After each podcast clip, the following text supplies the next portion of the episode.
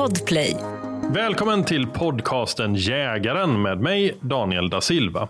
Ja, idag så eh, kommer jag att prata med Viktor Vinsnes. Eh, och Viktor, du sitter mitt emot mig. Hej hej! Välkommen till podden. Tackar. Eh, du är ju då tillförordnad viltförvaltare för, eh, i Göteborg och håller på mycket med viltvård och med förvaltning och samordning för olika kommunjägare och liknande.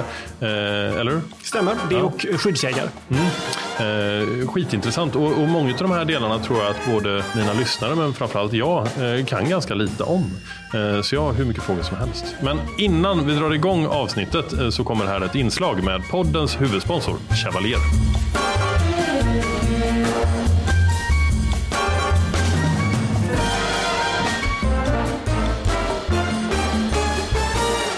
Niklas Nilsson, VD på Chevalier. Hur mår du? Jag mår bra, tack själv. Ja, det är bra. Det är bra.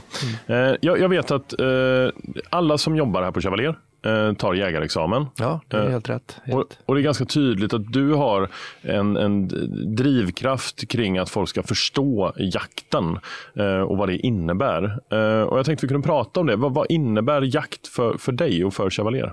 Ja, vi, vi gör ju kläder för alla väder och vi ska försöka ha kläder som funkar för jägarna. Eh, och för att förstå det så är det nog väldigt bra om man eh, först är bra på att göra kläder naturligtvis. Man ska kunna och ha en väldigt djup kunskap i klädkonstruktion. Sen är det ju en extra bonus om alla också förstår vad vi håller på med. Det här specialintresset. Det är superviktigt. Så därför vill jag att alla ska ha tagit jägarexamen. De behöver inte jaga aktivt, men det, det är viktigt att alla förstår. Och jag vet att det är kanske en kort utbildning om man går den här eh, veckolånga som vi har gjort och skjutprov och allting. Eh, sen är det en annan sak att jaga på riktigt. Mm, det är klart. Och vad, vad, vad, vad tycker du att, eh, vad, vad är viktigt för, för personalen att få med sig? Alltså, det är de små sakerna som jag tror jag pratade om när du intervjuade mig första gången. Eh, De små sakerna. Eh, viltvård. Jakt är ju viltvård varje dag. Alltså de som inte känner jägare och kan jägare, de förstår kanske inte riktigt hur mycket arbete och kraft svenska jägarkåren lägger ner på allt från eftersök till att hjälpa dem när det är svårt och det är vinter och det är kallt. Alltså det är ju en sån kärlek till djuren som, som ingen annan har. Och det är väl det jag vill att alla ska förstå som jobbar med kläder för jägare. Vad, vad, vad härligt Niklas. Eh, tack för att du ville prata med mig.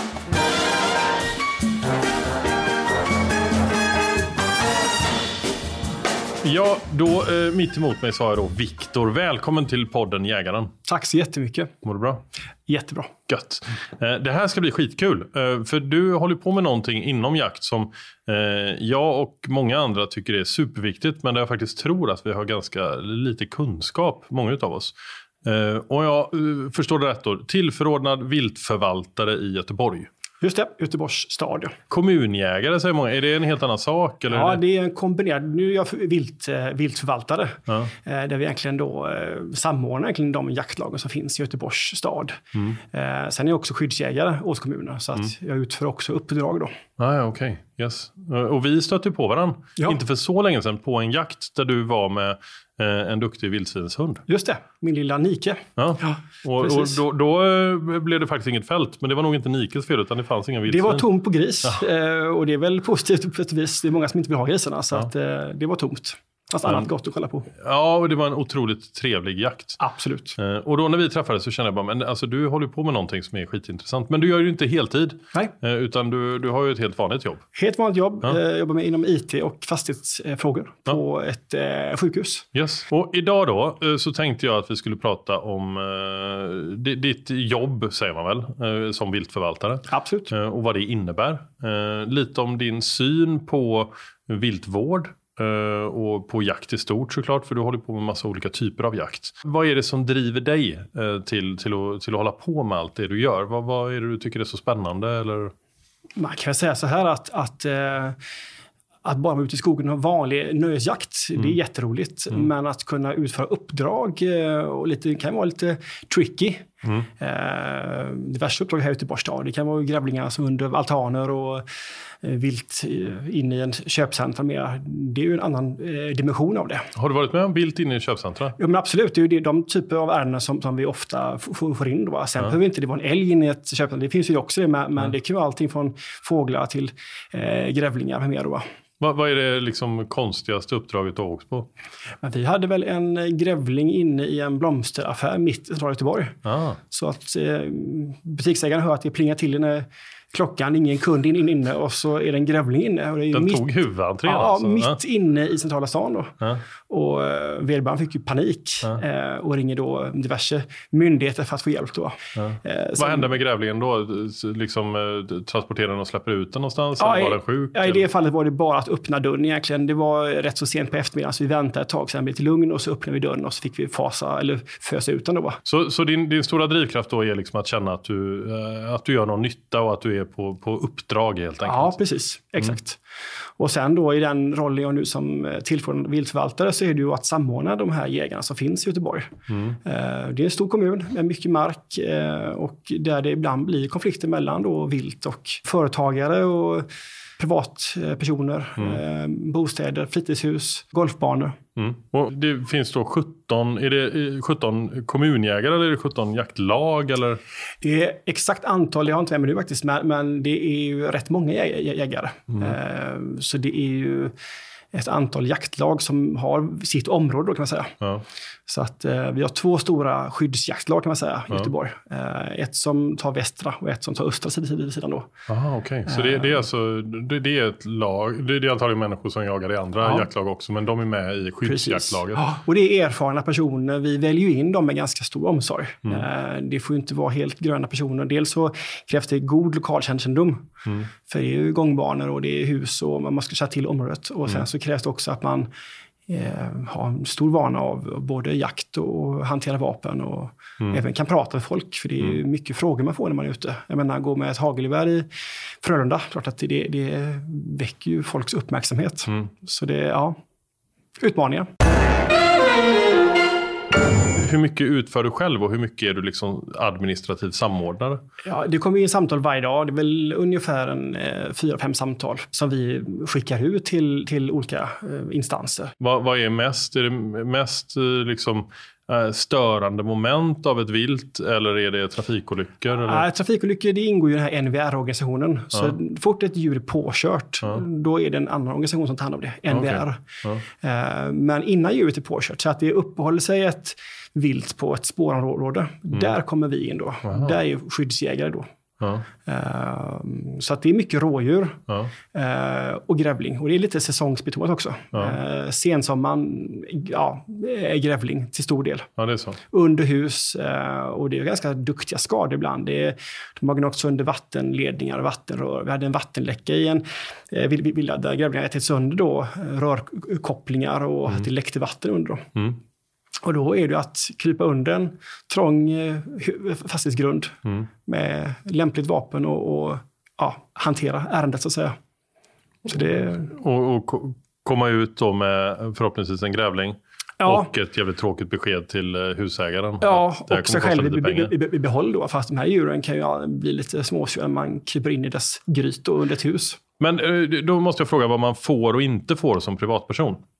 För eh, om jag kan ta mig själv som ett exempel. Vi bor i, i tättbebyggt inom detaljplan ja. eh, och eh, har en altan. Och eh, vår granne såg då, det var ett grannhus som höll på att bygga om och gräva och grejer. Eh, och så ser hon en grävling mitt på dagen springa över sin tomt och så in under vår altan. Uh, och, och, där kände jag att men där vill inte jag att den är. Men jag visste inte om den var kvar eller inte. Eller sådär. Men då har jag en kompis som har en grävlingbur. Mm. och så tänkte jag att då kan jag ju fånga den i den och sådär. Men sen så vet jag, jag har ju inte, jag har inte skottlossningstillstånd. Och jag kollade reglerna kring om jag fångar den så får jag inte förflytta flytta den hur som helst och sådär. Så det är rätt mäckigt liksom. Vad, vad, ska jag göra i det läget? Ja, men det bästa är att då ringa till kommunen som har då, då kommer man bland annat till, till mig. Mm. Eh, det finns ju massa tips och, och råd. Jag menar, en grävling som är under en altan som inte har byggt bo än, mm. går ju att få ut på andra sätt. Mm. Eh, massa tricks, men du kan ju fukta en trasa med lite eh, diesel mm. och bara ha under altanen. Eh, det lyckas i 95% av fallen, då kommer inte han tillbaks. Nej. Eller hon. Det är inte alltid vi behöver gå in och fånga den eller... Nej. Och om den har byggt bo då? Ja, då är det mer intressant, för då, då får man ju bedöma, alltså är det, först och främst, är det inom jakttid? Nu gick du igång lite här. Ja, bara, men då, ja, då blir det roligt. Ja. ja. men det är som så, alltså är det inom jakttid eller inte? Ja. Eh, för det är en fråga då. Ja. Men ni har ju då skjuttillstånd var ja. ni kommer inom kommunen. Hela kommunen, precis.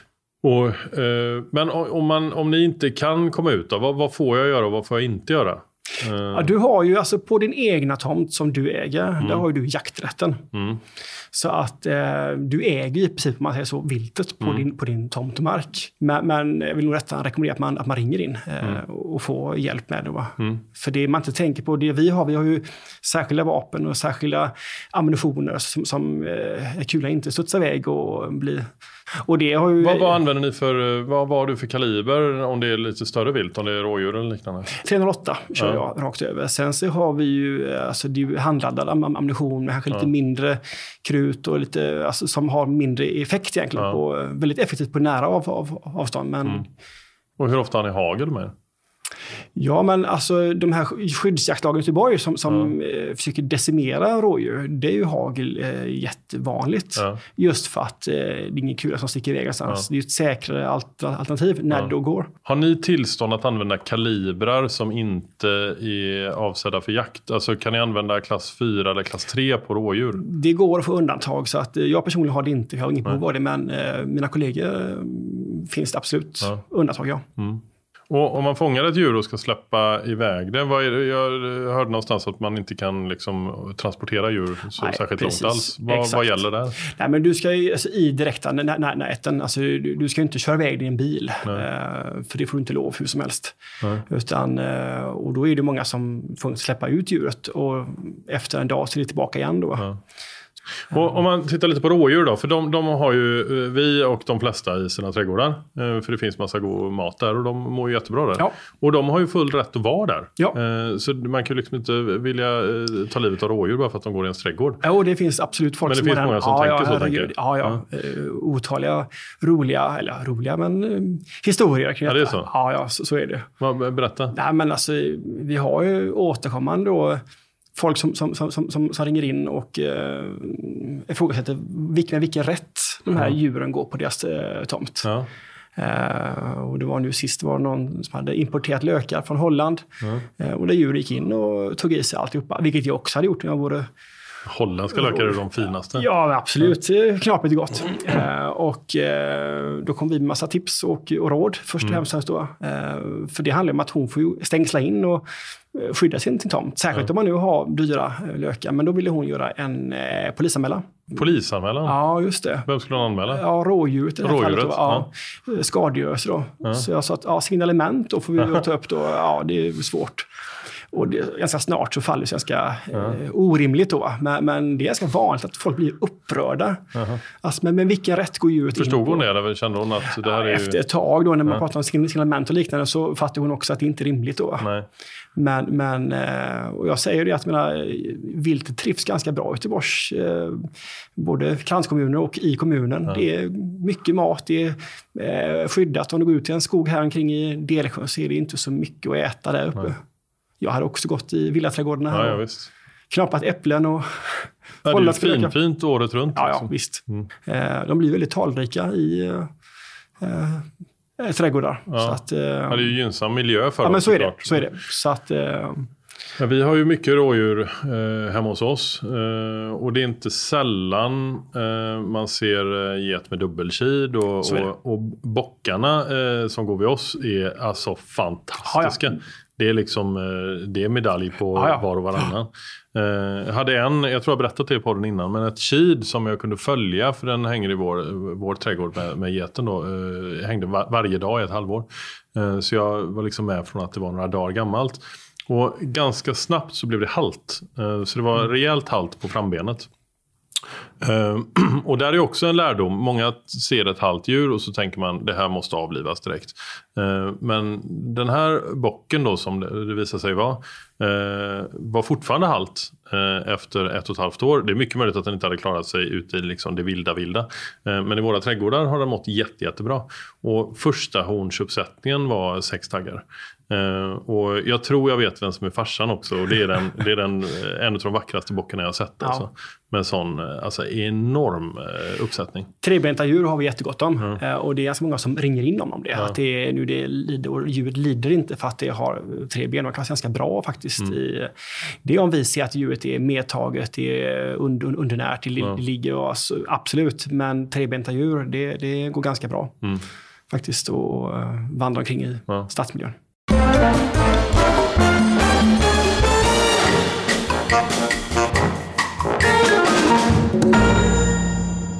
Men rävar, eh, då känns det också, för de flesta som bor någonstans ju, har ju kanske någon sån Facebookgrupp. Eh, det har vi där vi bor, en sån anslagstavla. Och varje år så är det liksom eh, alarmerande risk inlägg om mm. risk för katter. Och så har ju alla rävar skabb jämnt. Liksom. Ja, absolut. Eh, och så ser man den här bilden och ser man det har inte alls skabb utan det är liksom en, en tik på våren eller vad det nu kan vara. Hur mycket skabbrävar får ni in? Det har faktiskt varit en ganska eh, kraftig skabbsmitt eller man säger så i Göteborgsregionen den här eh, sommaren. Ja. Eh, men det är vissa år det blir så. Ja. Eh, sen ser jag ju räven är ju ett hjälpmedel för, för oss för att eh, den håller ju rådjursstammen ja. nere här, här i mm. Göteborgsområdet. Mm. Så att för mig så gör den en del av vårt jobb. Ja. Så att det är inte så att vi går ut och jagar räv, utan det är sjuka eller skabbinfekterade mm. djur då, som vi tar bort. Men, men annars har den en, absolut en funktion för att hålla någon form av balans. Och eh, din professionella eh, erfarenhet, vad säger den om eh, hur rädda ska husägare vara som har katt och liknande för just räv?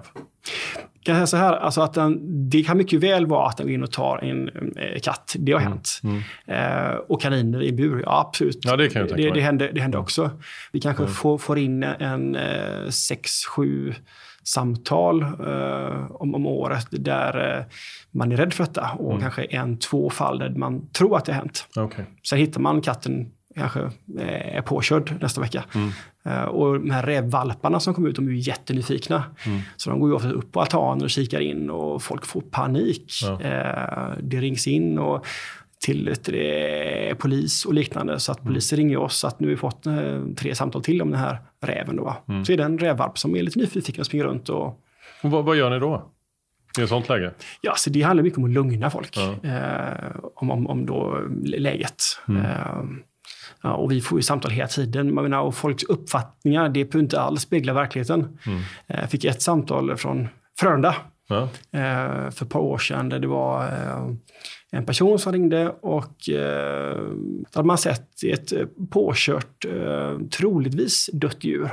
Mm. Ja, vad är det för djur? Det är ett vilddjur. Ja, Okej, okay. eh, signalement, vad kan du mer berätta? Det är ganska stort. Ett stort vilddjur ligger påkört, eh, stora tänder, mm. eh, rätt stora öron eh, och eh, klor. Det ligger här på vägen och jag vet inte om det är dött. Okej, okay. så börjar man då skriva upp det här ärendet. Okej, okay. eh, vilddjur, stora tänder, eh, stora öron, rätt så stort. Varulv låter det som. Ja, lite så. Och vad är detta för djur? Men, men eh, kommer jägaren ut och hittar det här vilddjuret eh, med stora tänder och Eh, stora öron och det är ju en eh, hare som är mm. på, eh, påkörd på vägen då. Mm. Så att, eh, ja. Men det är ju, alltså, de har ju ganska stora tänder och stora ja, öron. Och det är ett vilt djur. Ja. Så att, eh, sen vilddjur vet jag inte om det är, men ett, ett vilt djur är det ju. Ja. Eh, ormar, det rings väldigt mycket om eh, ormar också. Ja. Hur, hur, hur, agerar ni på, för huggorm är ju fridlyst. Ja, alla är kräldjur. Så ja. att eh, man manar ju till, till lugn och ofta så, så handlar det om Eh, för, ta, flyttar om man, någon har en huggorm som bor ja, under altanen? Vi kan flytta, absolut. Då flyttar ni på dem? Ja, det kan vi göra.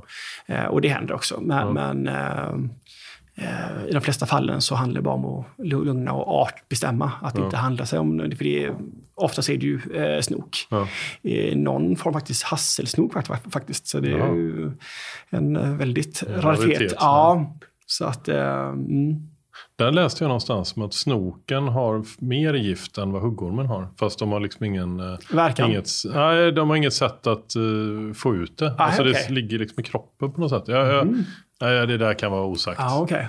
Och har jag helt fel så klipper vi bort detta. Men Ja. annars så, ja, jag läste det någonstans. Ja. ja, det vet jag inte om. Men, Nej. nej. Ja. Nej, och sen är det också lite kul, eller kul, är ju egentligen tragiskt egentligen, men vi får in samtal om, om eh, djur som inte hör hemma heller. Nej. Jag menar, det är ju så att strumpemanssnok finns ju här. Mm. Eh, finns ett bestånd i eh, Kungsbacka jämte eh, golfbanan där. Ja. Någon som någon gång har släppt ut och de klarar sig ganska bra här. Strumpmassnoken eh, finns ju i Kanada eller Ja. Nord- Nordamerika och det är ju ungefär samma klimat som här. så okej. att de frodas ju här och kan reproducera sig. Och hur, vad händer med dem då när de inte liksom är svenska fauna? Alltså om man tittar på eh, vi- vilt som vi jagar då, jaktbart vilt som mufflonfår till exempel. De får man ju liksom jaga året runt för att de inte... Och samma med det här då, alltså det är ju sånt vi försöker ta bort så mycket vi kan. Ja, okej. För att det kan ju bära, alltså djur som har varit i fångenskap eller liknande, det kan ju bära på sjukdomar som kan föras över till vårt, eh, eh, vår vilda fauna. Och det har ju hänt under historien många gånger. Jag menar, kolla på eh, flodkräftan, eh, vad som hände där. Ja. Och signalkräftan, där man trodde att det blev jättebra att plantera in en ny kräftsort som bar på någonting som man inte Ja. visste, som slog ut i princip vår inhemska flodkräfta. Och det vet man ju inte, det kan ju vara Nej. likadant med andra. Så vi försöker då, eh, när vi hittar då, eh, sköldpaddor likadant. Ja. Det är också likadant. Alltså det här samtalet är ju helt annorlunda än alla andra samtal. För du håller på med någonting som är, är helt annorlunda och, och som är väldigt eh, nyttigt och bra för samhället såklart. Ja, och även vanlig grej också, men vi har ju även eh, vildsvinsjakt. Ja. Eh, absolut, och det ser vi, det, det kommer ju mer och mer. Så att, och det är ju mer vanliga jaktformer som man gör Ja. på vanlig jakt. Och det, är ju, det vill man ju inte ha in i Göteborg Nej. eh, på något sätt, för det är klart det skulle bli bekymmer. Och i, i centrala Göteborg, eh, kom, kommer det, ja, rapporteras det om vildsvin i centrala centrala Nej, Göteborg? inte centrala Göteborg, Nej. eh, inte än. Nej. Men man har ju fått indikationer att det har skådats uppe vid Delsjön. Eh, Bildal, Mm. där är det Asch- mycket. Ja, Askim i Hisingen. Ja. Så att, Jag har en kompis som bor i Askim och han har ju vildsvin på tomten. Mm. Eh, och ut, ännu längre bort, alltså mot Särö och sådär, Ja, ja. där är ju hur mycket som helst. Sandsjöbackaområdet är ju ett eh, känt eh, Ja, exakt. tillhåll. Mm.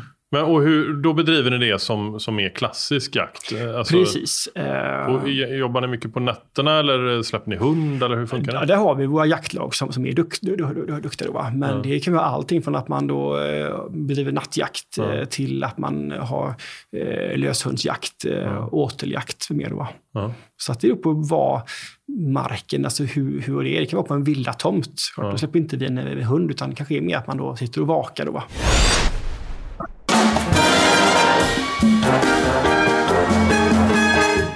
Och hur, hur, mycket, hur mycket vanlig jakt eh, bedriver du? Oj, eh, Det är väl jättemycket också? Alldeles för mycket tror jag. Om du frågar andra i min omgivning. Ja. men så är det. Jag eh, är en notorisk vildsvinsjägare som Ja. försöker nog eh, flera dagar i veckan eh, vara ute och nypa en gris. Mm. Så det. var, var, var hänger du då mest?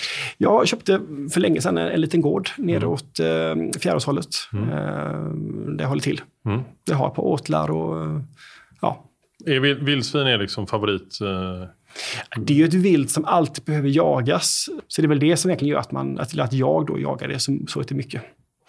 Men alltså, eh, det finns ju väldigt många som uppskattar åteljakt av Mm. olika anledningar. Vad, vad, vad är det du gillar mest med det? Jag gillar, alltså, det gäller att hålla stammen Ja. nere. Sagt, och det är ett bra komp- komplement till eh, eh, vakjakt eller, eller, eller eh, eh, andra typer av vildsvinsjaktformer. Då. Hur tycker du att man ska tänka i placering av åtel? Vi använder ju åtlar som en akut åtåtgärd. Vi har ett bekymmer med ett villakvarter liknande och då har vi en eh, mobil åtel vi kan ta med oss ut Ja, okej. och eh, agera. Och, och Hur snabbt brukar det, liksom, hur, hur länge behöver ni åtla innan vildsvinen kommer? två, tre dagar. Ja, okej. Eh, och det handlar inte om att vi ska utfodra dem, absolut inte, utan det vi gör är att, säg att jag kanske lägger ut eh, fyra deciliter jäst, jäst, jäst och majs Ja, under ett halmtäcke ja, och någonting tungt på. Eh, så det handlar inte om att de ska bli feta och runda magen, Nej. utan det gäller att de ska, det ska lukta mycket så att då komma dit och leta länge, länge så vi har gott en tid på oss att göra ett bra eh, skott. Då. ja. Och, och då gör du någon sån här majsbomb? Liksom, heter Ja, det, klassiskt, klassiskt, absolut. Och det har jag gjort hemma. Ja. Och då gjorde jag ju svinmycket. Nej, men det var ju också för att jag glömde den. Så, så jag gjorde den i vårt skjul. Och jag, alltså det var tre stycken såna här enorma påsar. Alltså jag tog en Ja. hel jävla säck med Ja. majs och hällde ut i tre stycken. Och så, jag kommer inte ihåg, men det var socker och öl och det var hur mycket gött som helst. Liksom, så här. det är mäsk. Ja, och så, och så äh, jäste du då såklart. Eh, och sen så glömde jag av det där. Eh, och sen en dag så kände man ju hela, liksom, fan det luktar konstigt. Jävlar. Grannarna kommer Jag är- kanske på något som händer. Nej, men det var ju något barn eh, av mina då som, som bara, det luktar konstigt. I, så här. Och så gick jag dit och då hade ju liksom, då hade ju, jag hade väl stängt locken och två av locken hade ju liksom, de låg ju bredvid så de hade ju flugit iväg. Ja, ja. Liksom, ja. Och det, alltså den stanken. Mhm. Men, och det, det är väl det de gillar då, men jag tror att de hade legat för länge de där alltså. Du kan ju fylla Ja, det är på med socker, du kan ju jäsa om om dem. Ja, så okej, att, ja. Eh, ja. Så att, jag får eh, ringa dig nästa gång. Ja, så får absolut, Du, så eh, har du, fixa lite mäsk där. Ja. Andra jaktformer som du, som du uppskattar, vad, vad, vad är det? Jo, men eh, drevjakt. Mm. Absolut. Eh, jag själv har ingen eh, hund som är riktigt lämpad för det. Jag har ju en liten eh, vildsvinshund, kan man säga. Men, men eh, eh, jaktlag har vi en eh, drever som fungerar bra. Mm. Eh, och det är ju klassisk rådjursjakt då. Lite allmogejakt? Lite ja. så, lite så. Precis. Ja, jag älskar det. Jag tror att eh, ja, men många som är ganska nya jägare eh, har kanske inte alltid möjligheten att få, få uppleva det. Nej, det är en fröjd för Ja. själen att sitta med Så ute. god Ja. gemenskap och långsamt tempo. Och man, eh, man planerar det lite, lite enkelt. Så är det. och Så är det. Ja, det är fint. Har du jagat i andra länder? Nej, Nej. jag har hållit mig inom eh, nationens gränser faktiskt. Ja. Det finns nog att göra här tror jag. Det, Du håller inom kommunen? ja, ja, det känns så till och med. Ja. Nej, Ja. men jag, eh, det räcker här faktiskt. Jag, eh, jag ser många kollegor som är ute och diverse och Afrikajakt och så, men jag, det Ja. lockar mig inte. Det skulle vara kul att se ja, Kanada kanske. En sån här Ja. riktig vild, Ja. vildmark kanske då. Men jag är inte i behov av att komma hem med en stor älgtrofé, alltså, Nej. eller hon. Så det, det, är inte, det är inte det som lockar. Men ren natur och eh, riktig urskog kan locka mig och besöka faktiskt. Tillbaka till, eh, till kommunen och till, eh, till uppdraget du har här eh, i Göteborg. Vad, hur är det på, med, med älg? Får ni mycket rapporter om det? Eller? Det är ju alltså, det förekommer abs- absolut, Ja. men det är ju inte sällan, det är inte så ofta det blir egentligen någon skyddsjakt, utan det är mer trafikincidenter. Ja. Och visst kommer det in djur en gång i Delsjöområdet, men det är inte så att de är stadigvarande. Det finns mycket rörelse där. Ja. Det är joggare och mountainbikes och eh, paintball. Mm. Skyttar springer uppe. Så att, eh, ja. Och fåglar? Hur är det med det? Det måste ju vara... Jo, eh, där kan man ju jobba i hälsa då. Ja. Eh, gjort en del uppdrag både på soptippar och liknande, men det är ju ett... Man skulle känna att det skyddsjaktsjobbet man gör, att det får någon effekt. Ja. Och om jag skjuter 40 måsar på en dag så kommer det ju 140 till. Ja. Så att, ja, vet inte. Nej. Eh, Det handlar nog mer om att stävja problemet att de kommer, att de kommer dit, vilket Ja. är också svårt. Då, men, men absolut. Hur gör ni då? Eller vad, vad är era rekommendationer för eh, fastighetsägare eller eh, Alltså, vi, liknande? ja, men det är ju på tidig vår. Alltså, det är ju återkommande det här mm, då aggressiva måsar, men det är ju att rensa tak från bon då, Ja.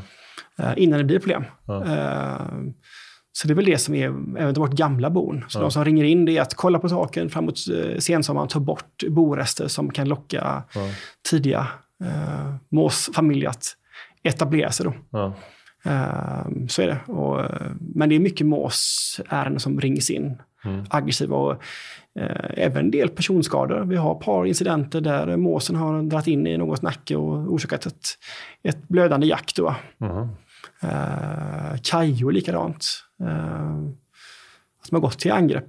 Normalt så dyker ju en mås, men Mm. går ju aldrig till egentligen fysiskt eh, närkontakt. Då. Men, men det förekommer. Det gör Mm. det. Och då får man ju ut och göra någonting åt det. Och det kan ju vara en fara av eh, trafiksäkerhetsskäl eller ja, Mm. cykelban och liknande. Va? Mm. Det var någon lunchrestaurang borta i Frölunda där de de hade byggt bo på den här eh, drive-in beställnings... Eh, där du säger vad du ska ha. Ja.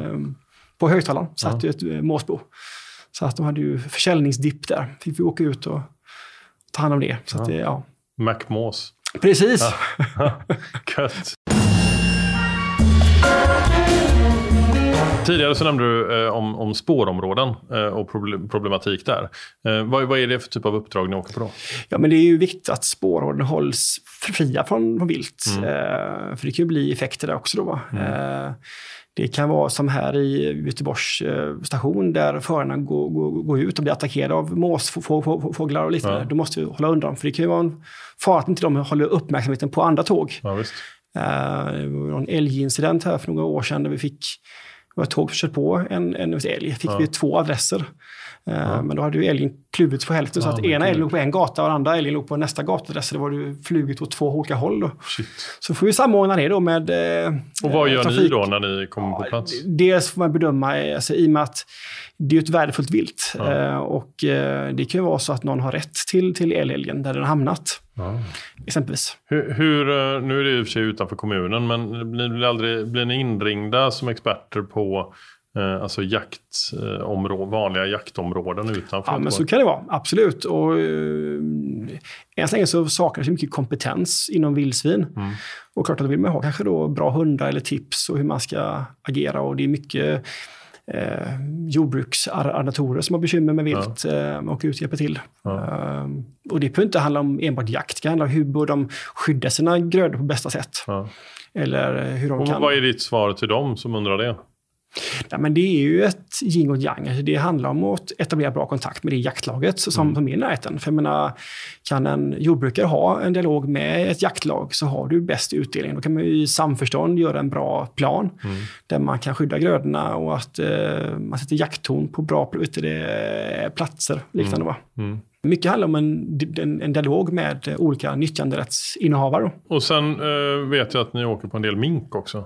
Ja, det är klart att eh, mink är ju ett bekymmer. Mm. Eh, dels så tar det mycket eh, fågel. Mm. Det är ju en predator mm. som sopar rent.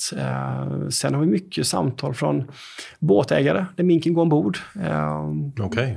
Vi har ett fint stort fartyg som ibland ligger till i Göteborgs hamn där man har dyra rep som gått ombord och gnagts sönder. Diverse dyra förtöjningstampar. Ah. Så att, ja. Klättrar de ombord via repen? Ja, ja visst. De tar sig in överallt. Så mm. Mölndalsån här, här i centrala Göteborg är också en välkänt tillhåll för ganska mycket mink. Ja.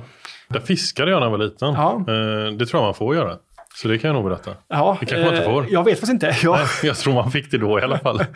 Men det, ja. eh, jag var inte gammal då. Eh, det är ju 30 år sedan. Ja. Jag vet att jag var nere i en veckas tid, ett sommarlov. Och eh, höll på med någon bottenmeter tjofräs liksom. Ja, ja. Och satt liksom Ja men typ dygnet runt i en vecka och det hände ju ingenting överhuvudtaget. Och min syrra Karin, mm. eh, alltså jag, var, var, var jag 13 och hon var 10 då. Mm. Hon kommer ner och efter tio minuter hade hon dragit upp två stycken regnbågar. Men det enda som liksom var skönt i det var att de var helt oätliga för de, de smakade fruktansvärt. Sump. Det var sump liksom, rakt igenom. Eh, men Mölndalsån är ju eh, full av liv. Eller var så det, det då i alla fall? Ja, så är det absolut. Och det händer ganska mycket i våra stadsnära vatten också. Mm. Vi, vi ja. har en hel del bäverproblem faktiskt. Ja. Jag hade ett ärende här om veckan faktiskt där det var översvämningar borta i Torslanda. Ja. Eh, Lilleby just för att en bäver har byggt en eh, fördämning som då ställer till det för busshållplatser och ja. gång, eh, gångbarn och gud vet allt. Eh, och då får vi åka ut och göra en syn på det och eh, ta kontakt med Länsstyrelsen för att få tillstånd att Eh, riva ja. Eh, dämmet eller liknande. Jag, jag, har faktiskt eh, jag har jagat en del bäver. Mm. Fantastisk jaktform. Mm. Vårvärmen, man sitter uppe länge. Det är, liksom, ja, men det är harmoniskt och vackert. Men då har jag jagat den på, på platser som är ganska avskilda. Men då var jag på en plats där jag fällde en bäver. Eh, där det fanns lite bebyggelse eh, runt omkring. Och där hade de då problem för bävrarna hade fällt trän som hade, eh, alltså de hade träde, träden som de fällde eh, föll in över en, ett dagis, alltså en, en skolgård. Liksom. Absolut.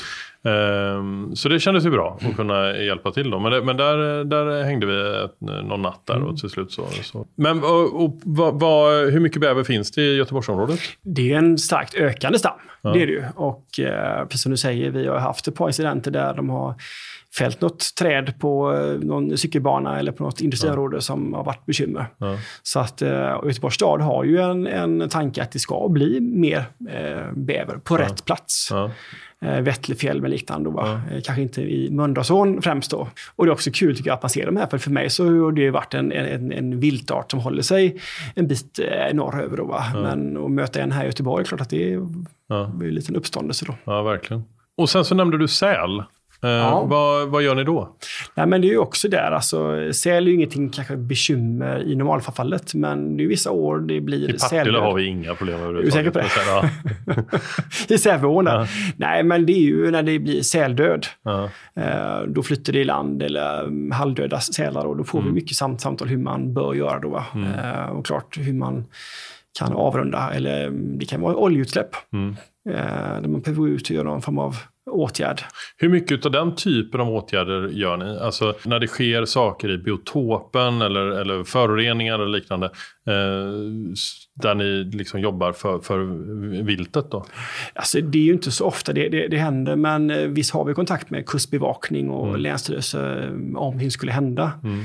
Eh, och man försöker ju alltid lösa problemet först med hjälp av kanske tvätta fåglar och liknande. Då. Men, mm. men det finns ju till en gräns där det inte går. Mm. Eh, där man ser att det gått för lång tid, där djuren eh, lider eller mm. det är inget annat att göra. Mm. Och då gäller det ju bara att så fort som möjligt för att, för att ja, förkorta lidandet. Och, eh, vi var inne lite grann på säl här och, och för er som lyssnar på det här och, och som eh, inte har lyssnat på avsnittet med Sven-Gunnar och Thomas så kan jag rekommendera det om ni är intresserade av just säljakt. För de är eh, otroligt kunniga på det och det samtalet handlar väldigt mycket om just säljakt. Eh, någonting som eh, människor kan ganska lite om och där det finns väldigt mycket fördomar. Eh, men de förklarar det på ett väldigt bra sätt tycker jag. Eh, varför eh, de jagar säl och hur det går till och liknande. Sen vet jag när vi träffades på, på jakten där, där du släppte din hund. Då pratade vi lite grann där och då berättade du om en rätt intressant episod om när du hjälpte en vid en konsert. Just det. Ja. Kan du inte berätta om vad som hände då? Absolut. Det är ju ibland det kommer in djur och liknande inne på eh, diverse eh, ja, mataffärer, men även då inom på eh, konsertområden. Och det var mm. väl en, en stor julkonsert tror jag, mm. med en artist som skulle eh, sjunga. Och då var det ju skator inne och de var ju helt vilda och hon mm. vägrade uppträda. Så att hon ställde ett krav då på arrangören att ta bort dem eller så åker jag, åker jag hem då. Och det var inne i en stor lokal? Liksom. Inomhus ja. så. Uh, och, och, klart att uh, få ett samtal och de är ju ganska måna om att det ska lösa sig fort. För mm. att de vill ju inte tappa de här uh, besökarna och det var många biljetter som var ja, Besökarna sålda. var på plats? Ja, de började väl ja. strömma in. Så ja, det att, fattade inte jag. Ja, ja, det var inte fullsatt än, Nej. men det började droppa in då. Men då var det ju ge sig upp i ett vet det, innetak i princip då, och, och försöka då med hjälp av ett luftgevär nå den här skatkonstellationer. Uh, så det är ju som en dålig eh, sniperfilm ungefär. Man lägger upp i massa lampor och kablar och så och ska pricka rätt. Och viss prestationsångest också då. Ja, det är klart. Under mig så var det ju då långbord med vita dukar.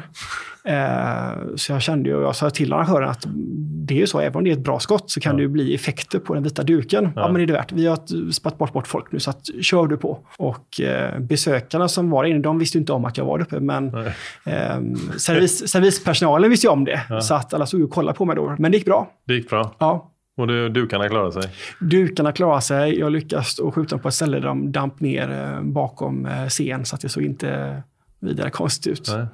Det, det, det, är ju en eh, jaktform som skiljer sig från det mesta eh, jag har hört faktiskt. Ja. ja, men så är det. Så är det. Det ger ju en ny dimension på jakten. Ja.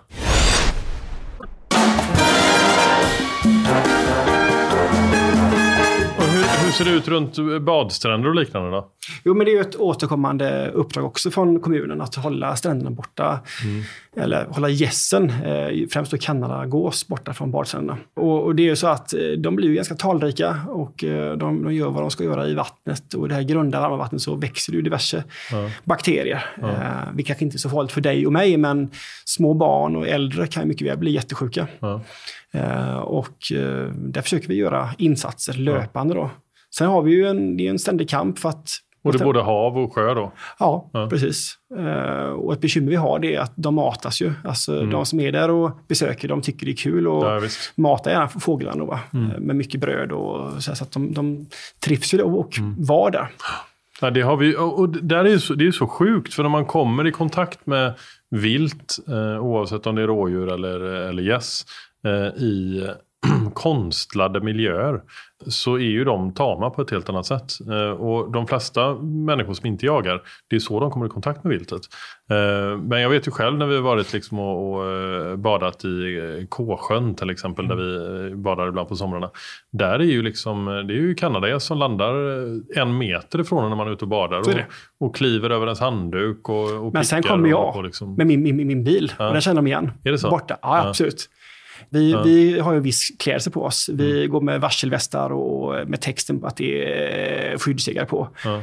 Och eh, kommer jag med den så kan jag lova dig att de ah. sticker iväg. Så att eh, de är smarta också. Men det är ett bra tips till alla när ni ska bada. Bada med varselväst så slipper ni gässen. Det gäller Ja, absolut. Ja. absolut. Och golfbanor har, har, du varit inne på också. Var, där kan man ju se själv. Jag, jag spelar en del eh, golf.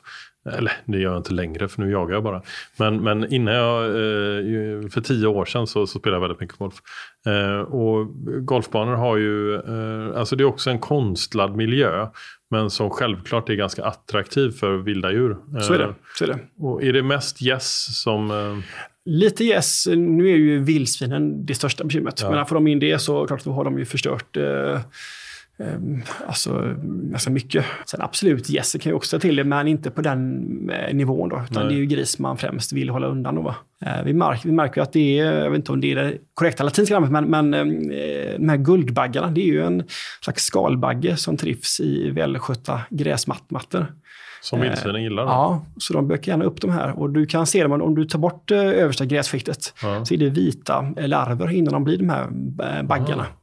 De är ganska feta vitgula larver. Det okay. är godis för eh, grisarna. Ah. Och de trivs just i välskötta gräsmattor. Det kan man ju se, det är ju inte bara golfbanor utan överallt på, på framförallt välklippta områden när man ser att grisarna har varit framme.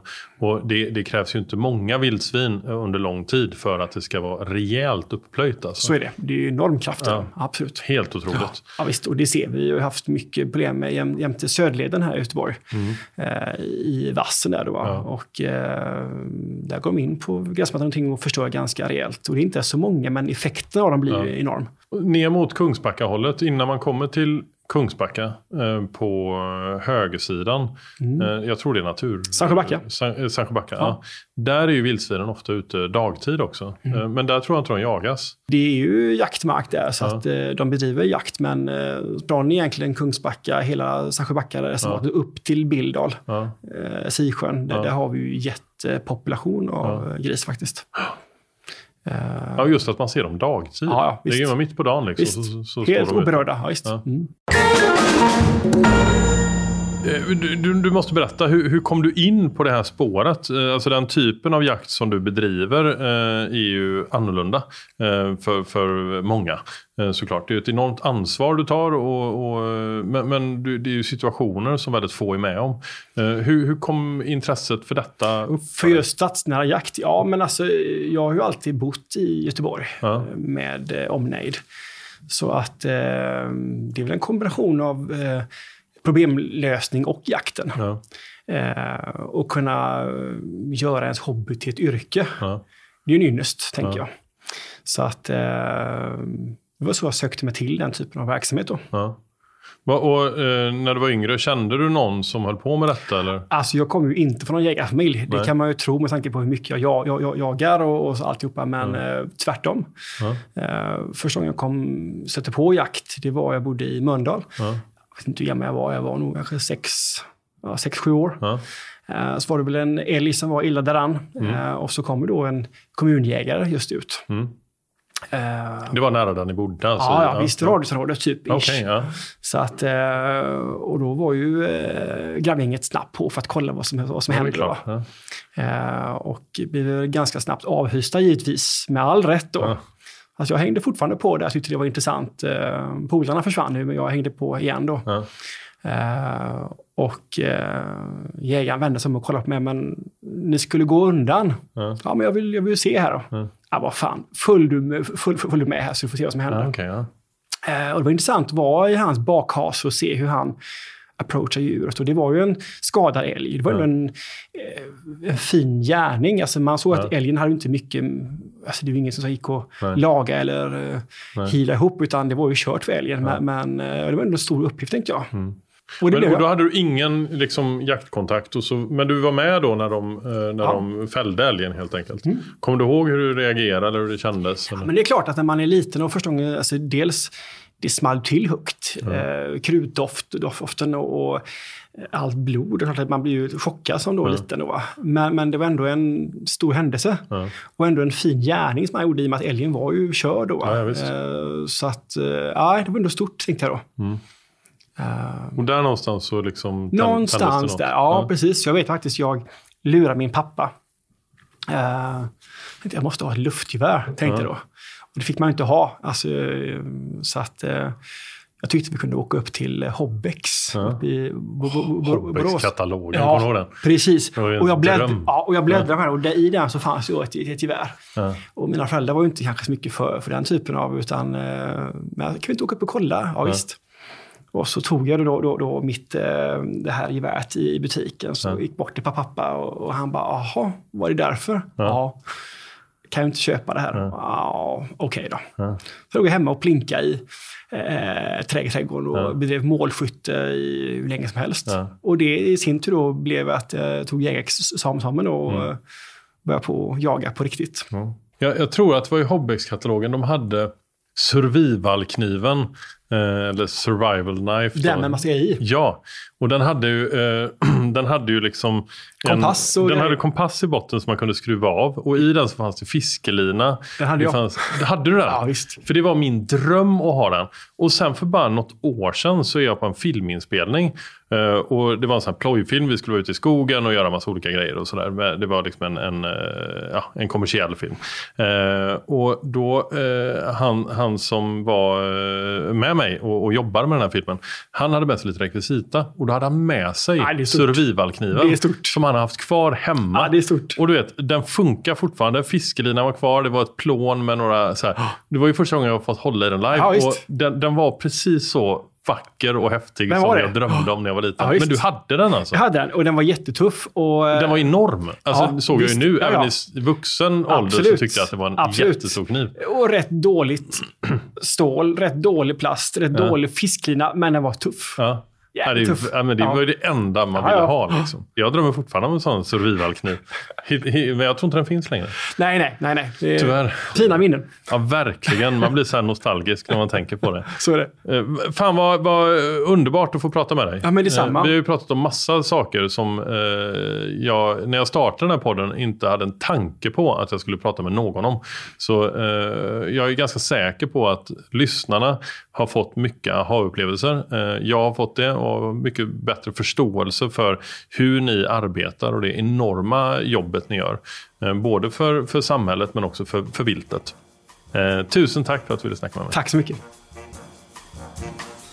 Och självklart stort tack till alla er som lyssnar. Eh, som jag brukar säga, det betyder supermycket att ni lyssnar. För annars så vore det eh, inte alls lika kul att hålla på med detta. Eh, och ett extra stort tack till er som delar podden.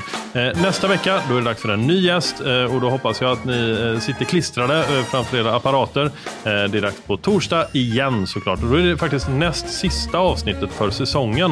Eh, sen är det lite juluppehåll och sånt där. Men då finns det ju liksom mängder av avsnitt ni kan lyssna på igen igen. Eh, eller om ni har missat något avsnitt. Vi hörs nästa vecka. Hej!